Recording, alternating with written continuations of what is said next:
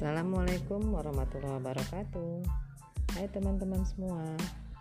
Hari ini saya akan memberikan motivasi kehidupan. Tapi sebelumnya saya mau mengucapkan terima kasih Kepada kakak-kakak kisi kita Yaitu Kak Yohana Nawangsasi Kak Runi Adriani dan Kak Atira Harsat Mana Yang telah memberikan ilmunya Dan telah mengenalkan podcast ini ke saya.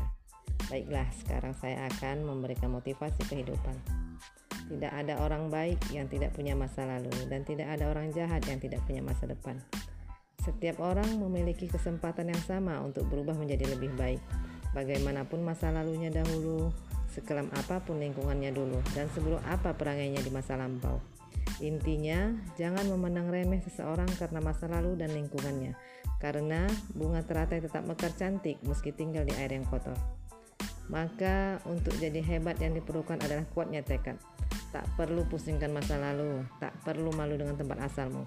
Jika kamu mau, kamu bisa menjadi laksana bunga teratai yang tinggal di air yang kotor namun tetap mekar mengagumkan.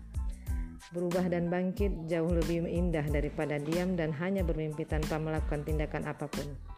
Ingatlah, seseorang yang dekat dengan Allah bukan berarti tidak ada air mata.